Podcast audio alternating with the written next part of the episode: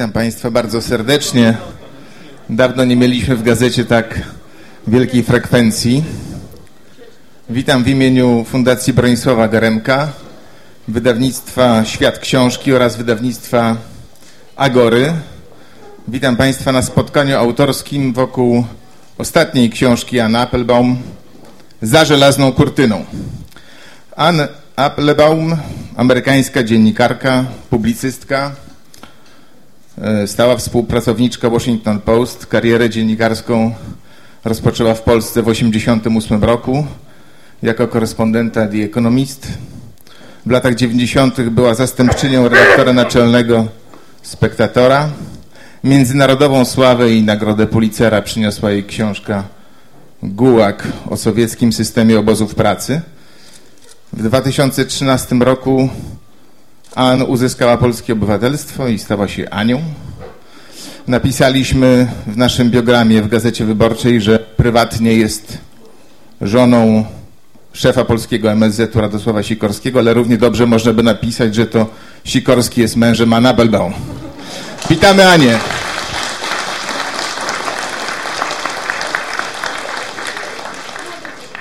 Drugim uczestnikiem naszego spotkania jest profesor Karol Mozelewski, autor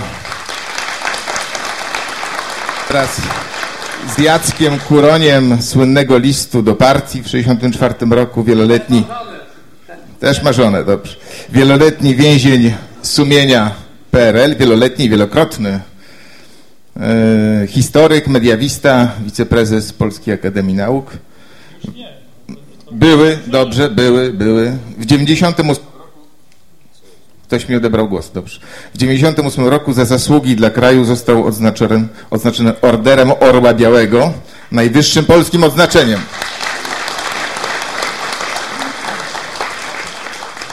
Trzecim uczestnikiem naszego spotkania jest Michnik, redaktor naczelny Gazety Wyborczej. Adaś, pozwolisz, że nie będę wymieniał wszystkich Twoich odznaczeń oraz krzywd, jakie wyrządziłeś naszej umęczonej ojczyźnie.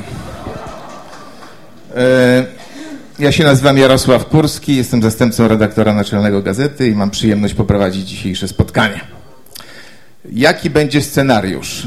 Bo zawsze warto wiedzieć, co człowieka czeka. Otóż e, nasze spotkanie składać się będzie z trzech części. W pierwszej zadam Ann kilka podstawowych pytań dotyczących samej książki, dlatego że książka właśnie weszła na rynek i nie sądzę, żeby wszyscy Państwo ją zdołali już przeczytać. E, więc chodzi o to, żeby się zorientować, co, o czym mówimy. E, można kupić, tak, można kupić e, w bardzo rozsądnej, okazyjnej cenie 50 zł za egzemplarz. Może nie jest ona tania, ale za to jest dobra. Poza tym jest gruba i warta swojej ceny, bo jeszcze w twardej oprawie, więc znakomity stosunek ceny do jakości, można by powiedzieć. W drugiej części naszego spotkania poproszę y, Karola Mozelewskiego około 10-15 minutową wypowiedź, y, a potem Adama Michnika o to samo, czyli jakąś taką formę wyrażenia recenzji z książki, powiedzmy, dania swojej oceny, a w trzeciej mikrofon będzie należał do Państwa. Będę prosił o zadawanie pytań, na które nasi paneliści będą z pewnością odpowiadać. A zatem, Anna, Anna, Ania, Dlaczego amerykańska dziennikarka, publicystka w ogóle zajmuje się historią totalitaryzmu w Europie Środkowo-Wschodniej? Wcześniej gułak, a teraz za żelazną kurtyną. Skąd, skąd taki pomysł? Dziękuję bardzo za pytanie i, i, oczywiście dziękuję wszystkim Państwu, że przyjechaliście. Bardzo jestem dumna, że mam e, taką salę E, cieszę się, że wszyscy jesteście i bardzo się cieszę, że jeden z moich bohaterów mojej książki, pan Karol Modzelewski, jest tutaj na miejscu. E, I oczywiście się cieszę, że pan Adamowski, który jest trochę za młody, żeby być bohaterem książki, ale może jeszcze zdąży być bohaterem następnej książki. Um, dziękuję bardzo e, też e, pan redaktor Kurski, który e, ten, to spotkanie jest jego pomysł, pomysł jego i jego żony i, i bardzo się cieszę na zaproszenie tutaj. Więc to jest bardzo ciekawe pytanie i, i wczoraj byłem dwa razy w księgarniach Bydgoszczy, wczoraj, przedwczoraj i też mi zawsze zadają to pytanie, dlaczego pani tak się interesuje historią wschodniej Europy i i mam różne odpowiedzi na to pytanie, ale to zaczyna mi trochę y, nie zdenerwować, no się dziwić, no, no bo są ludzie, którzy się interesują historią Chin, są ludzie, którzy, którzy lubią ptaki, są ludzie, którzy zajmują się, nie wiem, y, y, nie wiem, historią Kościoła czy renesansu. Ja mi się interesuje Europą Wschodnią i ja nie wiem dlaczego to jest, wszyscy się wydaje, że to jest tak dziwne. Ale naj, najlepsza odpowiedź chyba jest to, że ja, y, ja chodziłem do Uniwersytetu w Stanach w latach 80. I to był tak u nas tak zwane drugiej fali zimnej wojny. Znaczy Reagan był prezydentem i dla nas e, ten spektr, ten Związek Radziecki był dla nas jakby najgorszy wroga w świecie i, i, mi się wydawało wtedy, że czego poznać. Więc studiowałem język rosyjski, jechałem jako młoda studentka studiować język w Rosji, kiedy wtedy to było Rosji Sowieckiej. I w drodze do domu, bo wtedy był może, nikt tutaj chyba już nie pamięta, że był coś takiego, fe, festiwale młodości, młodzieży, młodzieży Związek Radziecki i ten akurat lato był festiwal młodzieży w, w Moskwie. Więc jakoś nie pamiętam dlaczego, nie można było latać do domu, więc jechaliśmy pociągiem z Moskwy do, y, wracając do, do Berlina. I ten pociąg się zatrzymał w Lwowie, które wtedy było miasto, które ja kompletnie o nim nic nie widziałem. Nie widziałam nic o historii, niczego. I miałam chyba 6 godzin w Lwowie, coś takiego. Wyszłam z pociągu i ktoś mi powiedział, że tam jest ciekawy cmentarz. I tam rzeczywiście jest ciekawy cmentarz, bo to jest cmentarz i polskie, i austro-węgierskie, i są groby niemieckie, i ukraińskie. I, i ciągle mi się, byłem zdziwiony, bo to oczywiste, zrozumiałam od razu, że to jest część historii. Trochę widziałam już o historii Rosji, historii Związku Radziecki, ale o Lwowie nic nie widziałem. Więc zdecydowałam, że chciałam wrócić um, później. W 1988 roku wróciłem do Polski. Tutaj byłem e, już w latach, e, jeszcze zdążyłem tutaj być w latach e, jakby komunistycznej um, i, i, i jakoś zostałem tu. No, nie wiem, głębsze tłumaczenie nie mam, no bo ciągle mi zafascynowało i historię waszej, i historię regionu, i szczególnie historię komunizmu, który, jak mówiłem, to od początku był, było dla mnie tak dziwne i tak tak odwrotnie od wszystkiego, szczególnie Związek Radziecki, że ciągle chciałam się dowiedzieć y, o nim więcej. I, i też można powiedzieć, że, że potem tutaj byłem w latach 80., jak, jak i widziałam, jak upadła komuna. I mi się wydawało wtedy, że to jest oczywiste, że on ma, ma upadać, no bo to jest absurdalne, nikt w nim nie, nie wierzył i niczego. A, a teraz, 20 lat później, ja już nie rozumiem, jak to było możliwe. Nie rozumiem po pierwsze, jak on był zbudowany od początku, a potem jak, jak to było możliwe, że on tak szybko upadł. I, I teraz chciałbym jakby go zrozumieć lepiej. Więc tezę tej książki, bo jeżeli ja chciałam zrozumieć, jak on był zbudowany od początku. Związek Radziecki przyjechał do, do krajów z, z środkowej Europy, które były tak różne od siebie. Na pewno to jest pan na drugie pytanie, dlaczego właśnie Polska, Węgier, NRD. A właśnie, że nie. Dobrze, one, oni właśnie wybrałam y, kraje, które nie, ma, nie mieli tak naprawdę nic wspólnego ze sobą, jeżeli chodzi o język, kulturę, religię, doświadczenie wojny. Jednak przez pięć krótkich lat i Związek Radziecki im udało się ustalić tutaj system bardzo podobny. No tak, tak by wyglądało, jakby ktoś przyjechał do Warszawy, czy do Praga, czy do Berlina, czy do Budapesztu w latach 50., każdy by się wydawało, że im się udało, że wszystkie te kraje są Jedna schomogenizowana sfera. Tak, tak wygląda. Że I po, e, po, angielsku było, było y, powiedzenie y, Siberia starts at checkpoint Charlie, że Syberia zaczyna właśnie wschodni Berlin. I tak wyglądało. Jak to było możliwe? Tak, Ann, ale jednak o, o w latach stalinowskich trudno jest napisać coś nowego, coś, co wnosiłoby jakąś wartość dodaną w stosunku do tego, co już pisał e, i Andrzej Paczkowski, i Marcin Zaręba, i, i, i Krystyna Kersten, i, czy amerykańscy e, autorzy jak, jak Marcy Shore, czy, czy Timothy Snyder, tak? Co chciałaś powiedzieć więcej, albo inaczej, co chciałaś dodać, czego inni nie powiedzieli? No?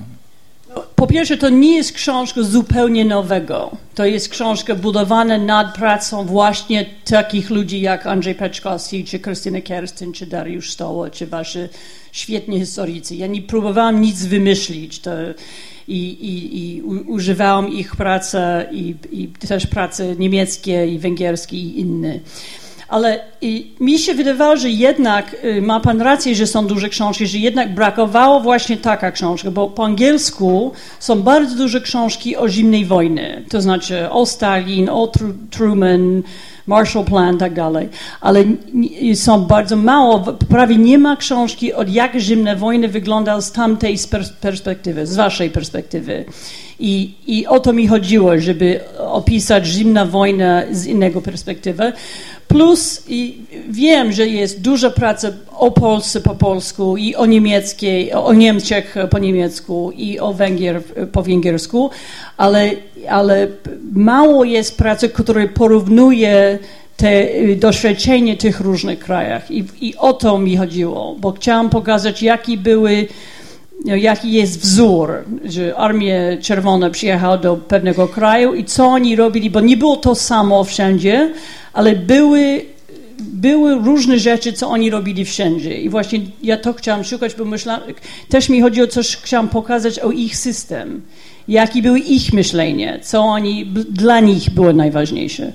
Absolutnie chcę potwierdzić, że ten zamysł porównawczy daje fantastyczny efekt, bo ty porównujesz Polskę, w końcu kraj koalicji antyhitlerowskiej, porównujesz Węgry, który był krajem osi, no i, i same wschodnie Niemcy, które były po prostu państwem Hitlera, tak?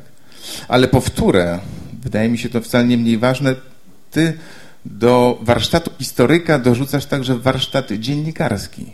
I rozmowy z ludźmi, świadectwa konkretnych ludzi, to jest, to jest ta wartość dodana tej książki. Ale to wszystko ewokuje jakąś tytaniczną pracę. Czy ty możesz nam opowiedzieć, jak ty pracowałeś nad tą książką? Jak ty w trzech językach, y, no, na, Dwa lata przykład, pracy, tak? Na przykład rozmawiałam z panem Modzelewskim.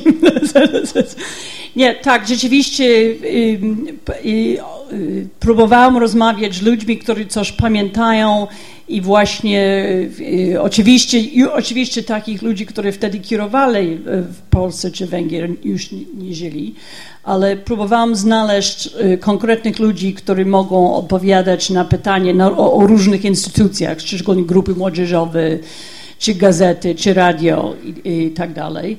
Więc szukałam specyficznych y, ludzi w, w, w, w tych krajach. Plus pracowałam w archiwach i to były bardzo różne archiwy. Znaczy tutaj w Warszawie archiwum y, akt nowych, też na przykład prywatny archiwum Andrzeja Wajdy, który on, on ma w Krakowie plus archiwum Polskiego Radio, co było bardzo ciekawe, a potem odpowiednie archiwy, na przykład archiwum niemieckiego radio, znaczy wschodniego, y, y, też były ciekawe archiwy. Archiwy też artystyczne, archiwy w, w, w, nie, w Węgier, to, y, znalazłem bardzo ciekawe archiwy o kino, historii ich kina, więc jest rozdział o kinie Y, węgierskie. I, i, I właśnie próbowałam, chodziłam po instytucjach, więc szukałam no, archiwy, y, radio jako instytucję, jak ona była zorganizowana od początku i skąd pieniądze na to skąd ludzi, którzy pracowali, na przykład ci, kto były ci pierwsi ludzie, którzy kierowali radio niemiecki komunistycznie w Berlinie. Okazało się, że byli bardzo ważni ludzie. Jeden był Marcus Wolf, który potem został długo, 20 lat później został szefem ich um, no. Um, i, I szukałam, kto, był, kto, kto, pracował, jak to było zorganizowane, skąd pieniądze i, i, i, i jeżeli był jakiś wpływ sowiecki, co to znaczyło konkretnie, że byli tam oficerzy sowiecki, a okazało że na przykład w radio y, w Berlinie były. E, w Polsce nie były, ale inaczej, bo na przykład w Polsce wszystkie, um, wszystkie urze, um, no, urządzenia radiowe były sowieckie tutaj, które by przyjechali wtedy, bo w Polsce nie było niczego. Nie było ani jednej rozgłośni radio w 1945 roku i Sowieci po prostu przyniosli te, te nowe urządzenia i rozdawali ludziom zaufanym, żeby... No jakie były te mechanizmy organizowane władzy? O, o to mi chodziło i to znalazłem i w archiwach, i przez rozmowę y, z ludźmi. Oczywiście zawsze można powiedzieć, że tę książkę się napisało dla tych wszystkich, którzy ch chcą ją przeczytać, tak? Ale, ale czy w Twoim zamyśle zasadniczym adresatem tej książki jednak nie był czytelnik amerykański? E, mówiłaś, że ludzie Zachodu nic nie wiedzą o, że nic nie wiedzieli o realiach panujących za żelazną e, kurtyną. Wielu żyje w przekonaniu, że stalinizm u nich nigdy nie mógłby się wydarzyć. I tak, rzeczywiście pierwszy miałam zawsze na myśli zachodni czytelnik, bo to jest y, jedyny, co ja naprawdę rozumiem, bo to jest to, co ja jestem. No. Ale jak, jak pisałam tę książkę o Gułagu, też było napisane tak naprawdę dla Amerykanów, a potem się okazało, że też są ludzi no, na, na tak zwanym wschodzie, czy w środkowej Europy, którzy też o tym mało widzieli, czy coś widzieli, czy nie naprawdę. A potem się okazało, że jest całe nowe pokolenie ludzi, które jednak to było potrzebne, im było potrzebne ta książka i w Polsce, i w i Węgier, i w Niemczech, i na, we Francji, i, i w różnych miejscach w Europie. To okazało się, że on jest jednak... Z tą książką nie wiem, no bo on akurat on jest tłumaczony już w różne języki skandynawskie, po angielsku, po holenderskie, ale tu jest pierwszy kraj jakby wschodniej, czy były komunistyczny, w którym on się okazuje, więc zobaczymy. Czy, ale ale, ale po, fakt, że jeden z tych tezów tej książki jest, że prowadzenie ten system komunistyczny był możliwy wszędzie. No on, jeżeli, są, jeżeli był y, y, po wojnie, sytuacje powojenne y, z urządzeniem Armii Czerwonej, że różnice między te kraje w, w, tym, w, ty, w, tym okresie były mniej ważne niż podobieństwo, więc, że, więc że najważniejsze właśnie były te technologie propagandową e, z Armii Czerwonej i, i każdy kraj mógłby, mógłby się skomunizować. Mnie się wydaje, że ta książka będzie czytana z równym zainteresowaniem w Europie, jak i w Ameryce. A w Europie właśnie dlatego, że każdy z narodów środkowoeuropejskich uważa, że jego nieszczęście było w jakimś sensie jedyne i niepowtarzalne. Zwłaszcza Węgrzy i Polacy mają taką predylekcję, w tym celują. Niemcy też? Oni są ciszej, ale...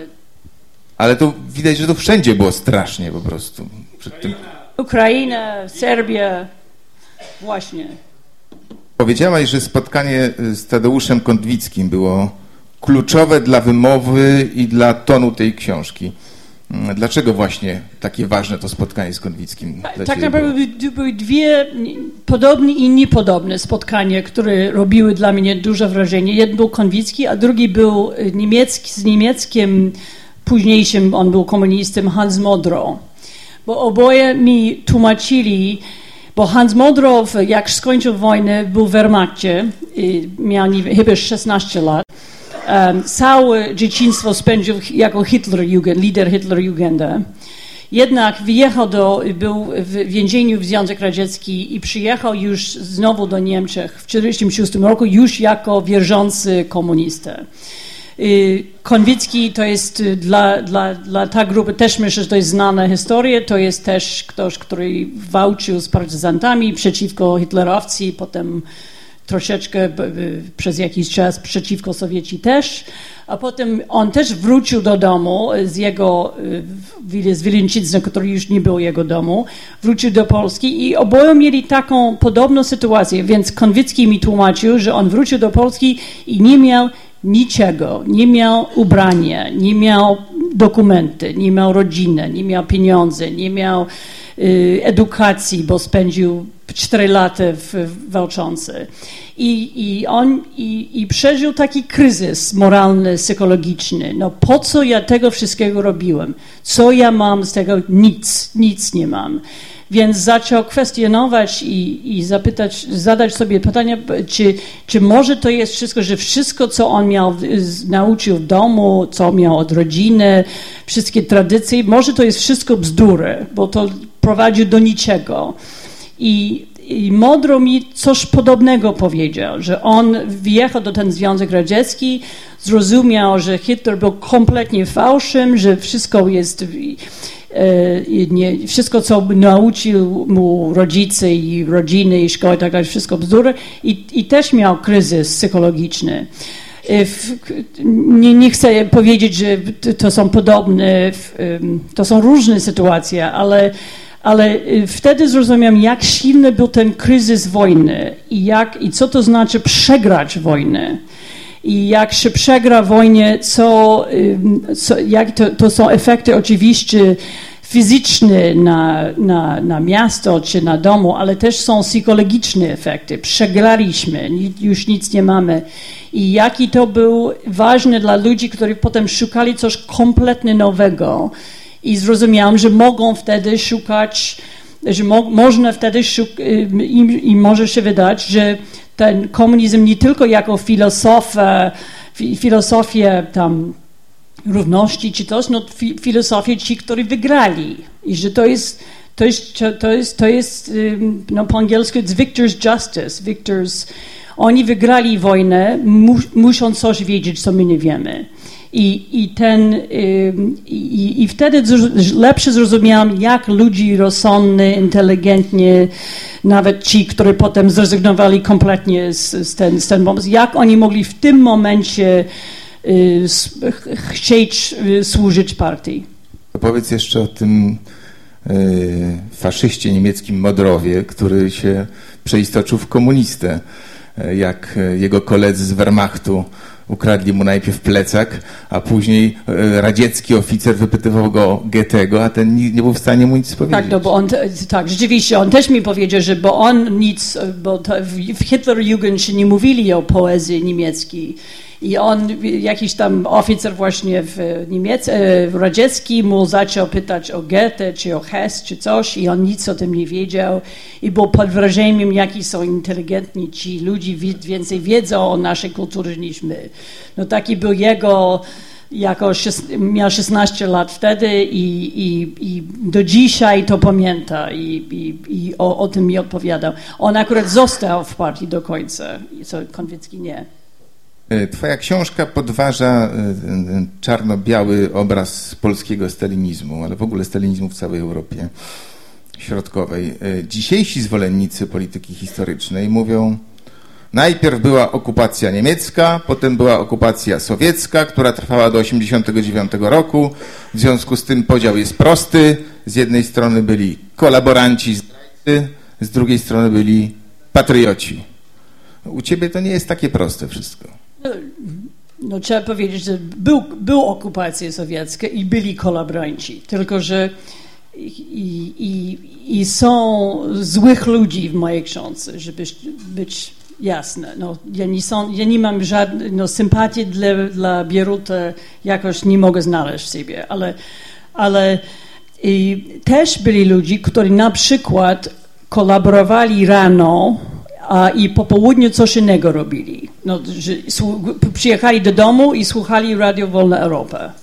Że to były bardzo skomplikowane, trudne czasy i bardzo trudne jest z naszego punktu widzenia i szczególnie mojego punktu widzenia jako Amerykanką, e, mimo jako Amerykan z obywatelstwem polskiego.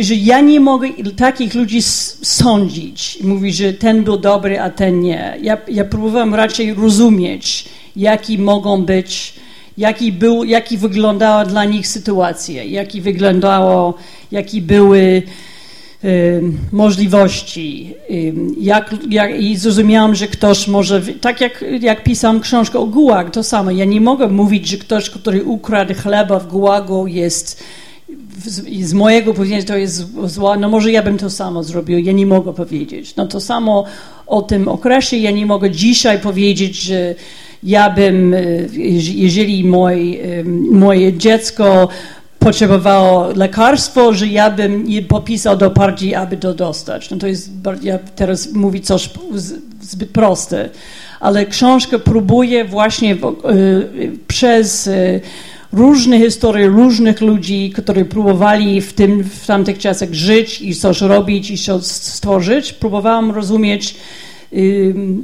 rozumieć sytuację, a nie sądzić z mojego punktu widzenia. A może komunizm tak łatwo się przyjął, bo bazował na ludzkich słabościach? Nie było tak łatwo. Ale jednak trwale dosyć do tego 56 roku zbudował no, na strachu, na konformizmie. Mówiłaś o tym przed chwilą, tak? Na, chęci, na ludzkiej chęci przetrwania po prostu. Czy ta wiedza o ludzkiej naturze jednak nie napawa cię e, pesymizmem? Bo przecież heroizm był, był rzadkością. Tak? Małość była normą może to za wiele powiedziane, ale w każdym razie też się spotykało małość. Czego ty się dowiedziałaś o, o ludzkiej naturze, o, o, właściwości ludzkiej naturze, o człowieku? No, z jednej strony rzeczywiście jest, to jest może okres his, historii Polski postwojennej, który jest najmniej atrakcyjny. Bardzo często jak robiłem wywiady, ludzie ze mną na, na początku chcieli rozmawiać o wojnie a ja potem ale przepraszam, dziękuję bardzo, ale mi się bardziej interesuje po wojnie. A potem oni mówili, a możemy mówić wtedy o 56 rok. E, bo też był ciekawy moment. A wtedy ja nie, mi chodzi o właśnie ten okres między wojną a 56.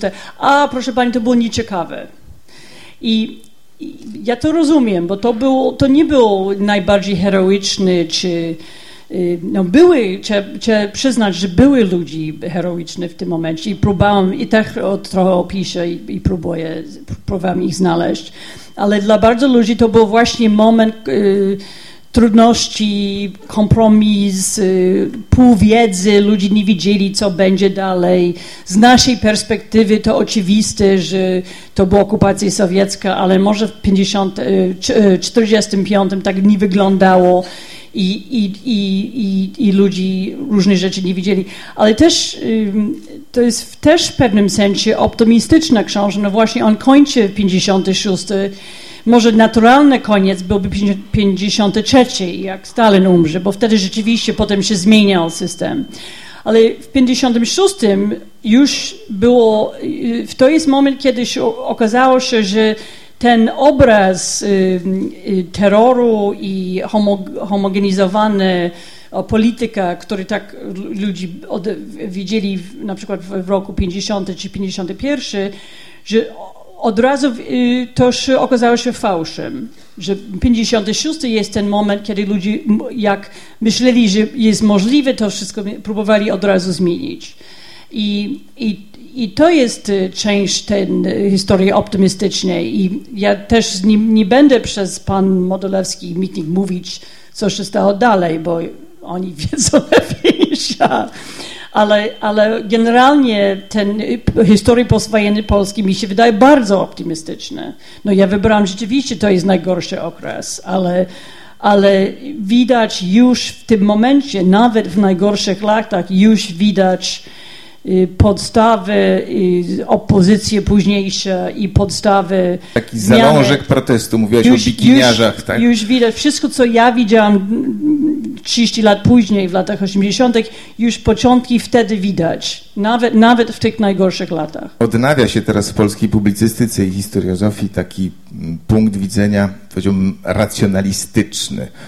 E, są historycy, publicyści, którzy twierdzą, że gdyby Polska poszła z, Hitlerem na Związek Sowiecki, to by później uniknęła sowieckiej dominacji.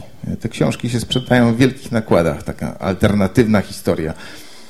Jak to ty to widzisz z perspektywy autorki amerykańskiej? Ja nie, ja nie piszę alternatywne historie. Piszę, próbuję pisać rzeczywiste, znaczy prawdziwe historie. No, jedyne co mogę powiedzieć jest, że od początku, że ten atak na Polski i, i ujarzmienie Polski, co jest w tytuł książki, był dawno planowane. No, pierwszy, pierwszy, pierwszy raz Związek Radziecki próbowali okupować Polskę w latach już 20. No, wy zna, znowu znacie wasze historię lepiej niż ja. Potem całe przez latach 20. czy 30 y, planowali, organizowali siatkę agentów, komunistów i tak dalej w całej Europie Środkowej. Organizowali nie dlatego, że to nie było I don't know, dla for fun. To, to był specyficzny plan na okupa- ewentualnie prędzej czy później chcieli okupować Polską. Więc, więc ja nie wiem, czy, czy e, e, Hitler by wam jakoś pomógł. Ale jest też inny nurt, powiedziałbym romantyczny, którzy uważają, widzą politykę w ogóle w kategoriach moralnych i uważają, że po prostu Polska została zdradzona przez aliantów. Czy twoim zdaniem los Polski E, był już od czasu, nie wiem, od momentu konferencji w Teheranie po prostu przypieczętowany, przesądzony, czy też e, i owa żelazna kurtyna, o której mówił Churchill, która zapadła na północy od Szczecina, do, na południe do Triestu, musiała zapaść, czy też było inaczej? Ja nie wiem, czy znowu nie, nie lubię alternatywy historii, ale to jest prawda, że dla aliantów sprawa polska i, i, i i nawet bardziej Węgier czy Czechosłowakię było drugorzędne. Dla nich w Jałcie najważniejsze, co, o, o, o co jemu, jemu chodziło o wojnę z Japonią i on chciał sowiecki, żeby armii radzieckiej im pomógł w, w tej wojnie. Też było dla niego bardzo ważne było ONZ postwojenne. On chciał to organizować jak międzynarodowa organizacja, y, United Nations. I jeżeli, kiedy on mówi, bo teraz mamy wszystkie protokoły Jałty i amerykańskie, i rosyjskie i tak dalej, i on, jak on mówi o tych dwóch rzeczach, widać, że on, że jemu to zależało, on chciał mieć zgody Rosjan i tak. Polska było ważna, i może na, ale nie był najważniejszy. Oni jakby, był, to był drugorzędne. I, I to dla, z ich punktu widzenia to nie było zdrady, to po prostu nie był, główny cel wojny był inny. I, I oczywiście i dla Churchilla, i dla, dla Roosevelta, i też dla wszystkich generałów e, aliantów też bardzo ważne było stracić jak najmniej ludzi. Więc nie jechali do Berlina, mogliby, nie jechali do Pragi, mogliby też, bo Amerykanie mogliby e, wyzwolić Praga i zdecydowali, że nie. Um, a, i, ale jeżeli wyzwolenie um, Praga czy, czy Berlin byłby ich główny cel, oni by to zrobili, ale to jednak nie było. I, i, z, i, i z ich punktu widzenia to było po prostu mniej ważne. I ja się boję, że dla Stanów Zjednoczonych tej części Europy zawsze nie będzie najważniejsza i trzeba o tym pamiętać. Rozprawiasz się z mitem Żydokomuny, właściwie Żydobezpieki, ale w jednym akapicie, na stronie 110 piszesz – ja pisałam, że dokumenty. W rzeczywistości tuż powojenna bezpieka była niemal wyłącznie polska pod względem etnicznym i katolicka pod względem religijnym. Do 1947 roku 99,5% UB to polscy katolicy. Żydzi stanowili w UB mniej niż 1%. Nawet Białorusini byli liczniejsi. Spośród 18 członków założycieli Regionalnego Urzędu Bezpieczeństwa w Lublinie tylko jeden był Żydem. Pozostali to Polacy, Ukraińcy i Białorusini. No, to już jest bluźnierstwo. To, no, to jest, jest, Andrzej Peczkowski. To już to... nawet ja myślałem, że było ich więcej. To jest, y, to jest statystyka y, zwykłych ubeków i rzeczywiście ich, i oni byli bardzo duże, akurat trzeba wyznaczyć, bardzo duże były, wcześniej rekrutacje było właśnie w Białorusi i na Ukrainie i, i, i dlatego ich było w, w takiej dużej ilości. Znaczy rekrutacja ubeckie zaczęła w 1939 roku. I, i, I przygotowanie to, co było później bezpieka Polski, było wtedy i oni byli szkoleni w czasie wojny i tak dalej i przy, przyjechali potem do, do, do, do Warszawy. No, rzeczywiście jest o Żydów i o Żydach i o, o Żydzi w Ubecja i o Żydzi w różnych innych miejscach. Um, i, ale najważniejsze, jeżeli chodzi o Żydach powojennych, co najważniejsze jest, jak niesamowito ilości Żydów wjechali bo coś wyjechali, wyjechali tak. że większość, ogromna większość Żydzi, którzy wrócili po wojnie, przyjechali do domu I albo dlatego, że ich domy już nie istniały, albo dlatego, że nie chcieli mieszkać w cmentarzu, albo dlatego, że prowadzili biznesy i nie chcieli mieć rząd komunistyczny, ogromna większość wyjechali z Polski albo do Stanów, albo do Izraelu, albo gdzieś. No coś, nie pamiętam w tej chwili numer, ale to jest, jest 90%, coś takiego. Więc jeżeli mówimy o Żydzi Polski po wojnie, ich nie było. Po, już po 55 rok już, już większość wyjechali. Bardzo dziękuję, Ann, za tę część e, naszej rozmowy.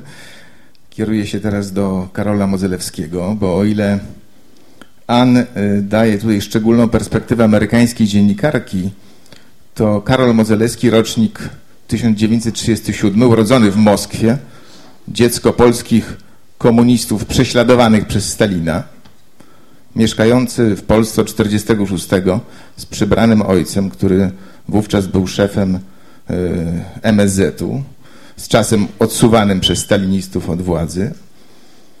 Ale najpierw właśnie owa perspektywa, to była perspektywa dygnitarskiego dziecka. Wspaniale o tym pan mówił, panie Karolu, w, naszym, w tym ostatnim wywiadzie do Gazety Wyborczej. Potem to była perspektywa rewizjonisty, dysydenta, i więźnia politycznego PRL-u. Jak pan ocenia, recenzuje, widzi tę książkę? No ja od razu sprostuję może, że e, polskim komunistą to był tylko mój przybrany ojciec Zygmunt Modzelewski, natomiast mój ojciec naturalny był niedoszłym dowódcą czołgu radzieckiego. E, a e, bliżej, tak? Teraz dobrze? Tak.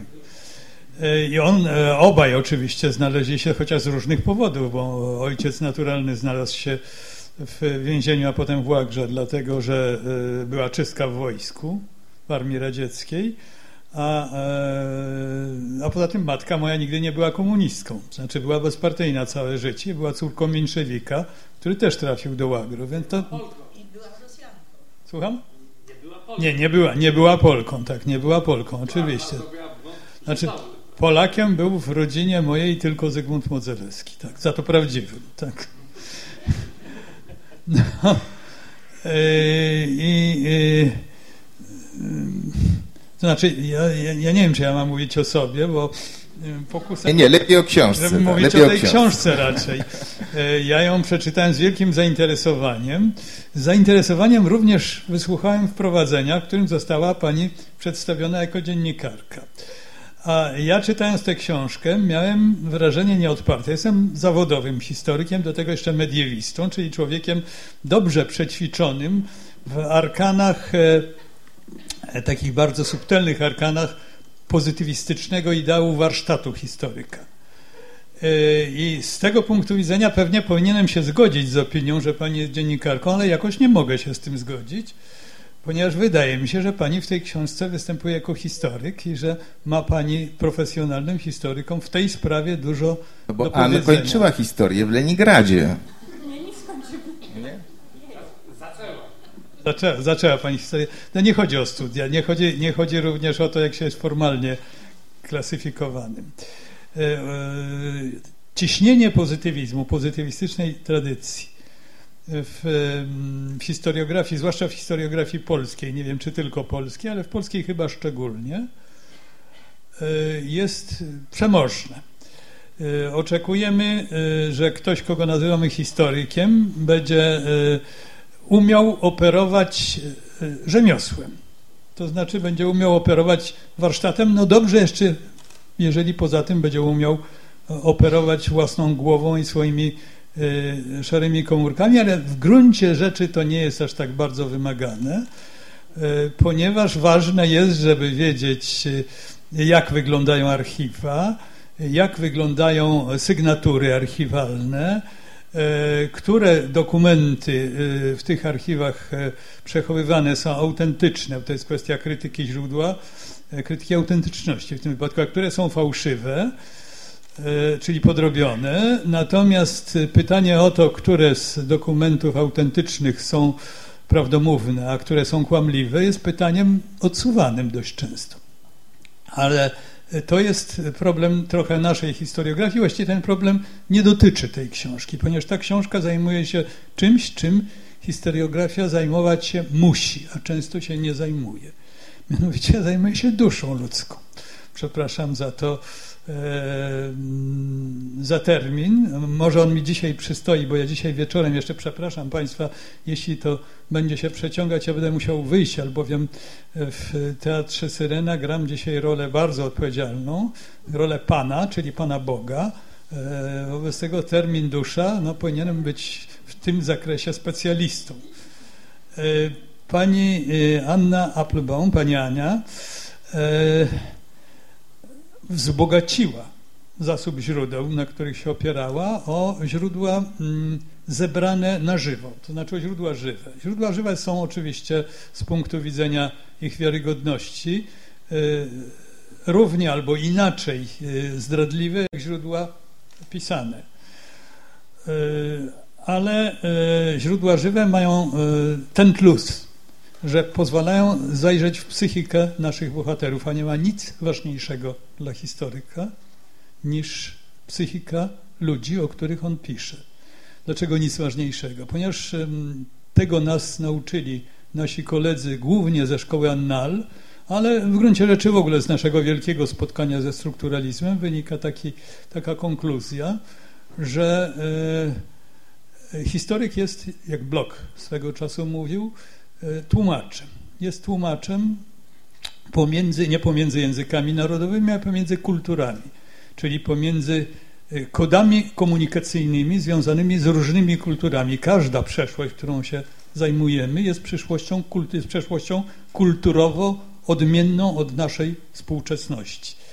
I, i żeby y, dokonać tego przekładu, rozszyfrować ten kod kulturowy, który jest jak ściana odgradzająca nas od przeszłości, że my możemy daty ustalić, rozmaite informacje pozbierać i nic nie będziemy rozumieć. Czyli krótko mówiąc, żeby historyk mógł stać się badaczem, który rozumie ludzi, o których pisze. On musi im w duszę wleźć, za przeproszeniem, z butami czasem. I y, to w tych wywiadach właśnie, w tych wywiadach, które pani zebrała, ja nie wiem, czy to można nazwać wywiadami, chociaż być może technika jest dziennikarska.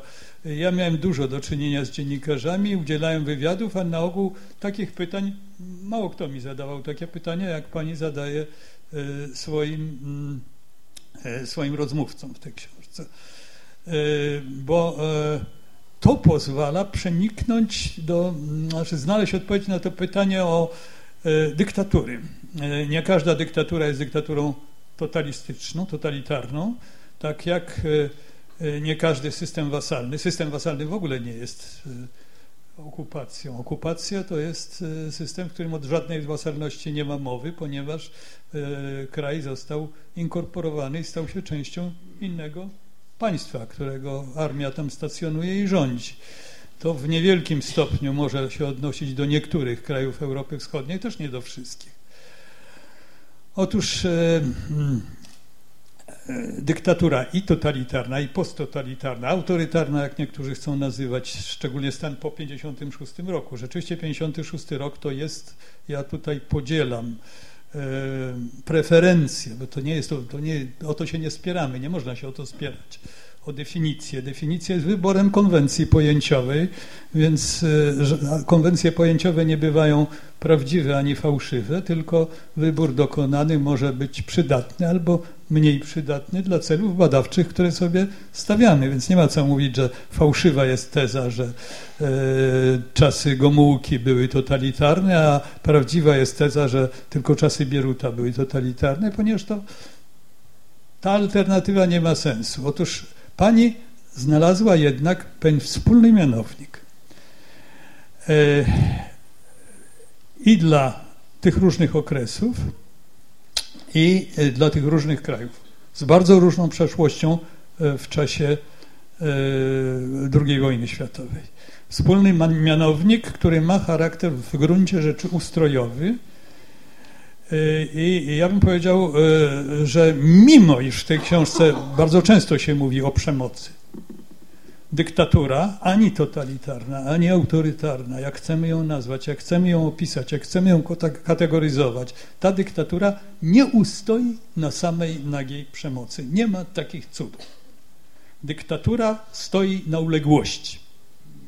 Ona jest silna, tak jak e, sprawiedliwość jest to stoją mocy i trwałości Rzeczypospolitej, tak samo sprawiedliwość terrorystyczna, stalinowska, no nie jest jedyną ostoją, ani główną mocy i trwałości totalitarnego państwa. Ostoją totalitarnego państwa i autorytarnego, dyktatorskiego państwa jest zawsze konformizm.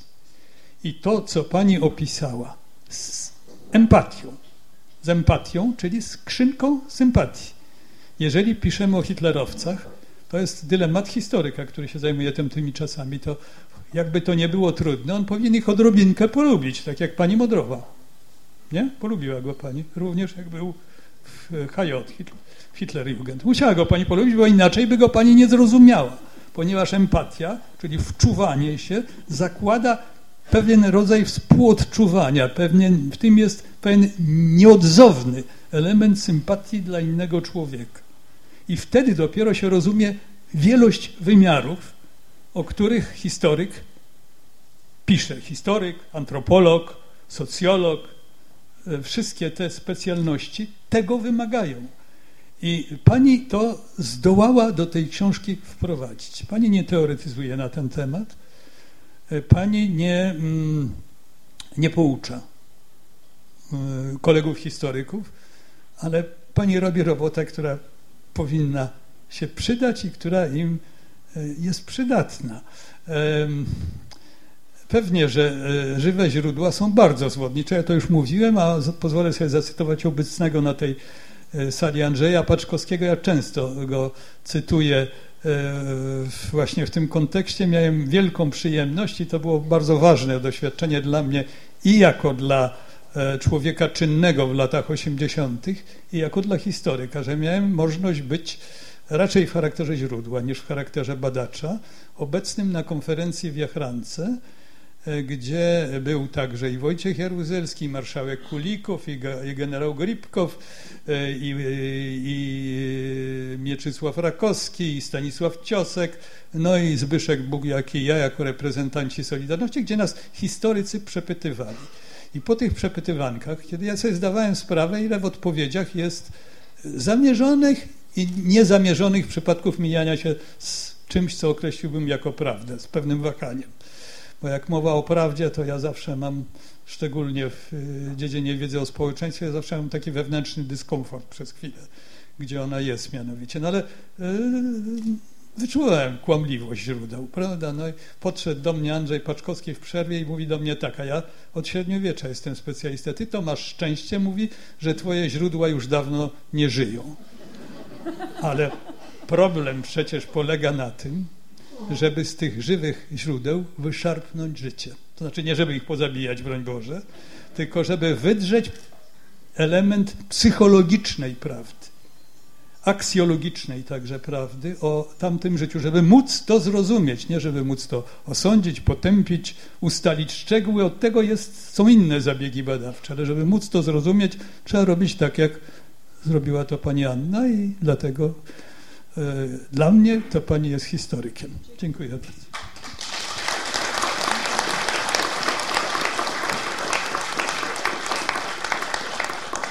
Aniu, same pochwały, nie masz czym polemizować. Ja zaplanowałem, że teraz będzie twoja kolej, że się odniesiesz, ustosunkujesz. Nie chcesz. E, Adamie, jesteś młodszy od Karola Mozelewskiego o 10 lat. Twój ojciec... Prze... 9. Już za pochwały godna skrupulatność.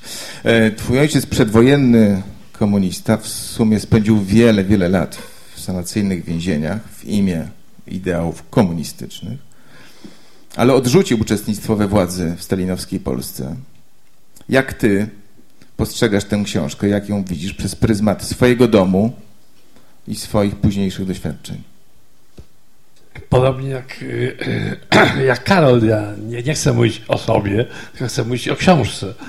Więc y, przez pryzmat swojego domu, to ja nie wiem, czy to postrzegam. Myślę, że mój ojciec by, by tę książkę czytał bez sympatii, dlatego żeby u, u, uważał, że jest za łagodnie o, o, o komunistach, że za prawdziwym, prawdziwym marksistą był Ronald Reagan, prawda, i tak dalej. Ja y, muszę powiedzieć, z mojej perspektywy na to patrząc, ja uważam, że jest książka bardzo dobra. Zgadzam się z tym, co Karol mówił o tej podwójnej perspektywie, że tutaj jest perspektywa procesu historycznego, jest perspektywa ludzkiego losu. Więc y, jak się pojawia właśnie Hans Momodow, czy nie wiem, y, czy, czy Teichma, czy Kiszczak, czy, czy Rajkiewicz, czy Pomian, mnie się zdaje, że to, tą całą historię uczłowiecza, a jednocześnie to pokazuje, że można inaczej popatrzeć, właśnie tak dwutorowo na ten fenomen komunizmu w tych najczarniejszych latach. Z jednej strony, ja tutaj zacytuję francuskiego socjologa, filozofa Edgara Morin, który powiadał, że komunizm przyciągając od, odwoływał się do tego, co w ludziach najlepsze. Po czym jak ich zasysał, to wydobywał z nich to, co w nich najgorsze. I mnie się wydaje, że to jest bardzo trafna, yy, ba, bardzo trafna yy, obserwacja. Yy, w tej książce mi się szalenie podobała taka perspektywa pa, pa, pa, panoramiczna. To jest ten jakby e, stalinizm widziany z różnych stron, więc czy to jest miasto idealne, czy bezpieka, czy presja sowiecka, czy socjalizm, czy konformizm. Jeśli chodzi o losy ludzkie, dla mnie, dla mnie bardzo ważny był fragment o Wandzie Telekowski, tak. Ja nie znałem jej oczywiście, ale ja od niej słyszałem sporo Czesława Miłosza. Oni, się znali dobrze, byli zaprzyjaźnieni. I to, to jest y, przy, przykład takiej osoby, która uważała, że znalazła się wraz z całym na, na, narodem w sytuacji przymusowej. I w tej przymusowej sytuacji trzeba robić coś, co jest możliwe do, do zrobienia, co jest jednocześnie sensowne jest.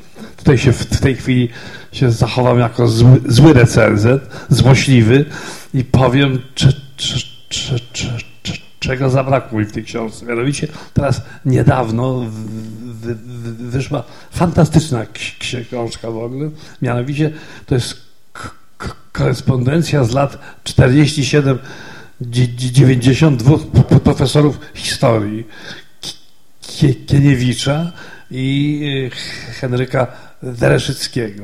I to jest właśnie taki portret dwóch osób, którzy w, w obrębie nauki historycznej próbowali myśleć tak, jak myślała Terakowska. Oczywiście tam są różnice między nimi. Kieniewicz jest znacznie bardziej układny, kompromisowy wobec władzy, Welewerczycki jest bardziej y, niepokorny, y, bezkompromisowy. Niemniej jednak oni obydwaj wybierają istnienie tutaj.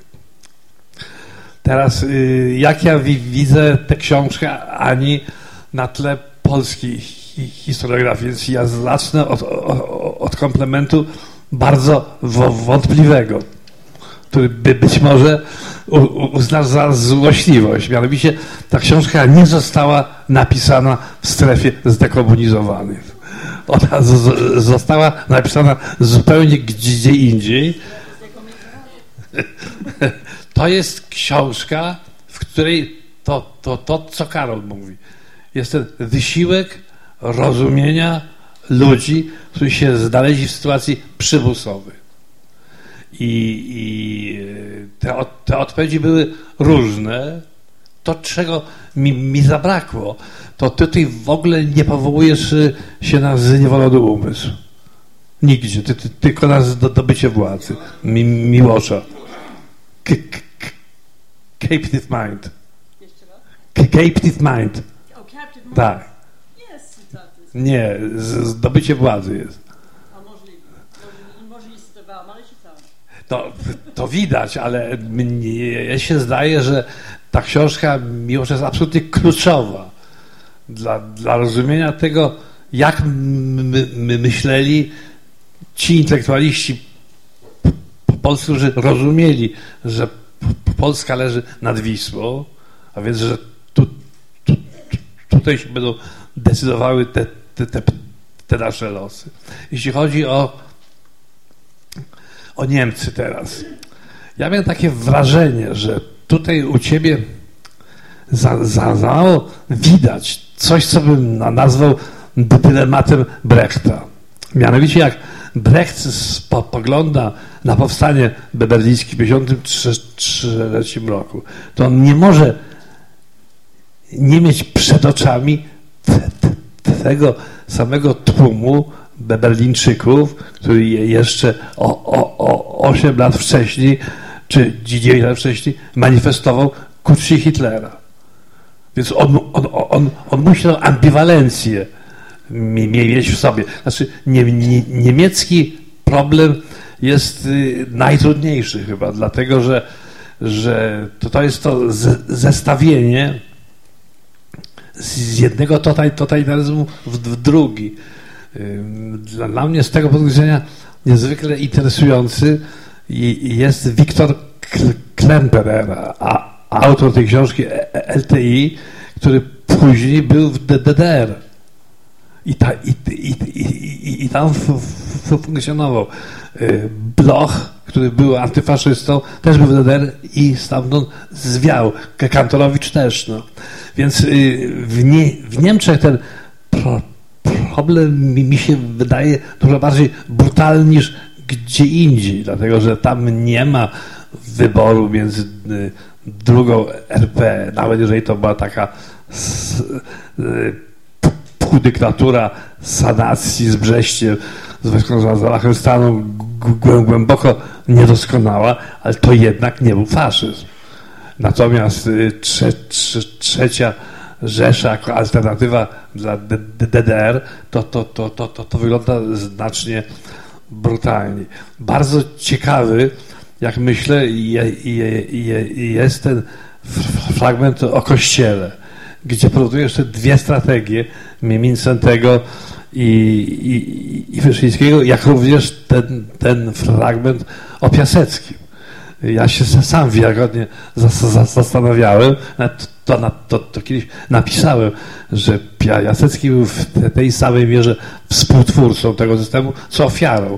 I Ma, Marek Edelman do mnie przysłał o, obelżywy list, że bro, br, br, br, bronię polskiego fa, jeszcze chwilę, Eichmana bronił i, i, i, i tak dalej. Ale ja uważam, tak, na podstawie na podstawie y, mo, mo, mojej wiedzy o, o, o PAK. Jeśli chodzi o Węgry, mnie się wydaje, że dwa nazwiska t, tutaj by, by pasowały. Isztwan Bibo i Szandor Maraj. Ma, ma, ma, Maraj, który w swojej książce Ziemia, Ziemia genialnie opisał ten pi- pierwszy okres, jak Ro, Rosjanie wchodzą do, do, do Budapesztu i co się z ludźmi dzieje.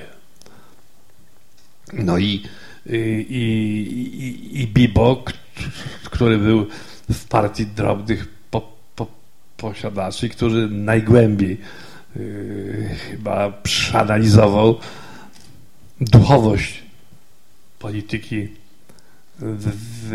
węgierskiej. Mnie się, mnie, mnie się wydaje, że yy, jak, jak, jak piszesz o, o, o, o, ludziach, którzy wtedy stawiali opór, to poza Wyszyńskim, myślę, że są dwie, dwie, dwie, dwie kategorie są ba, ba, bardzo ważne.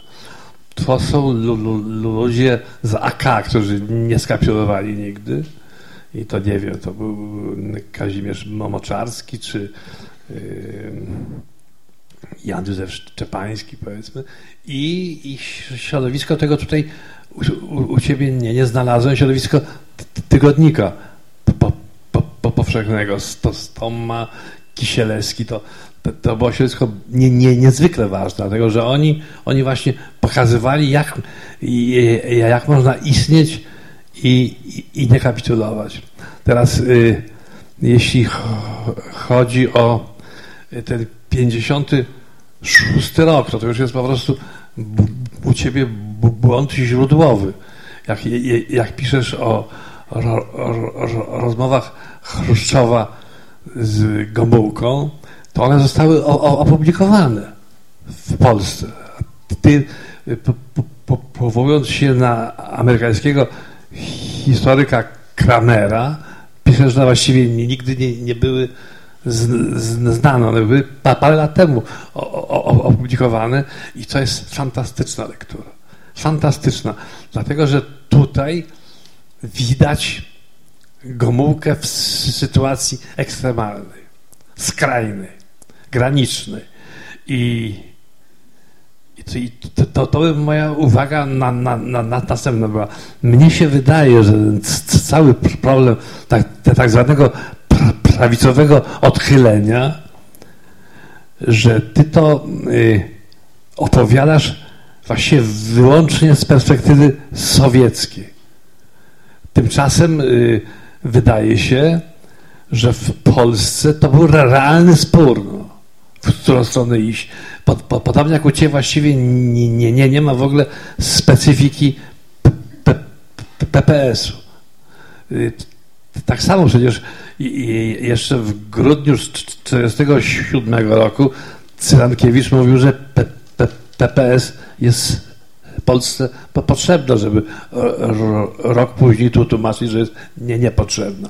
Krótko mówiąc, y, podsumowując, ja uważam, zwłaszcza na tle tego, y, co ogromna większość polskiej historiografii, z, z małymi wyjątkami, nie wiem, Andrzej Fryszka czy właśnie Zaręba, y, na, na, na, na ten temat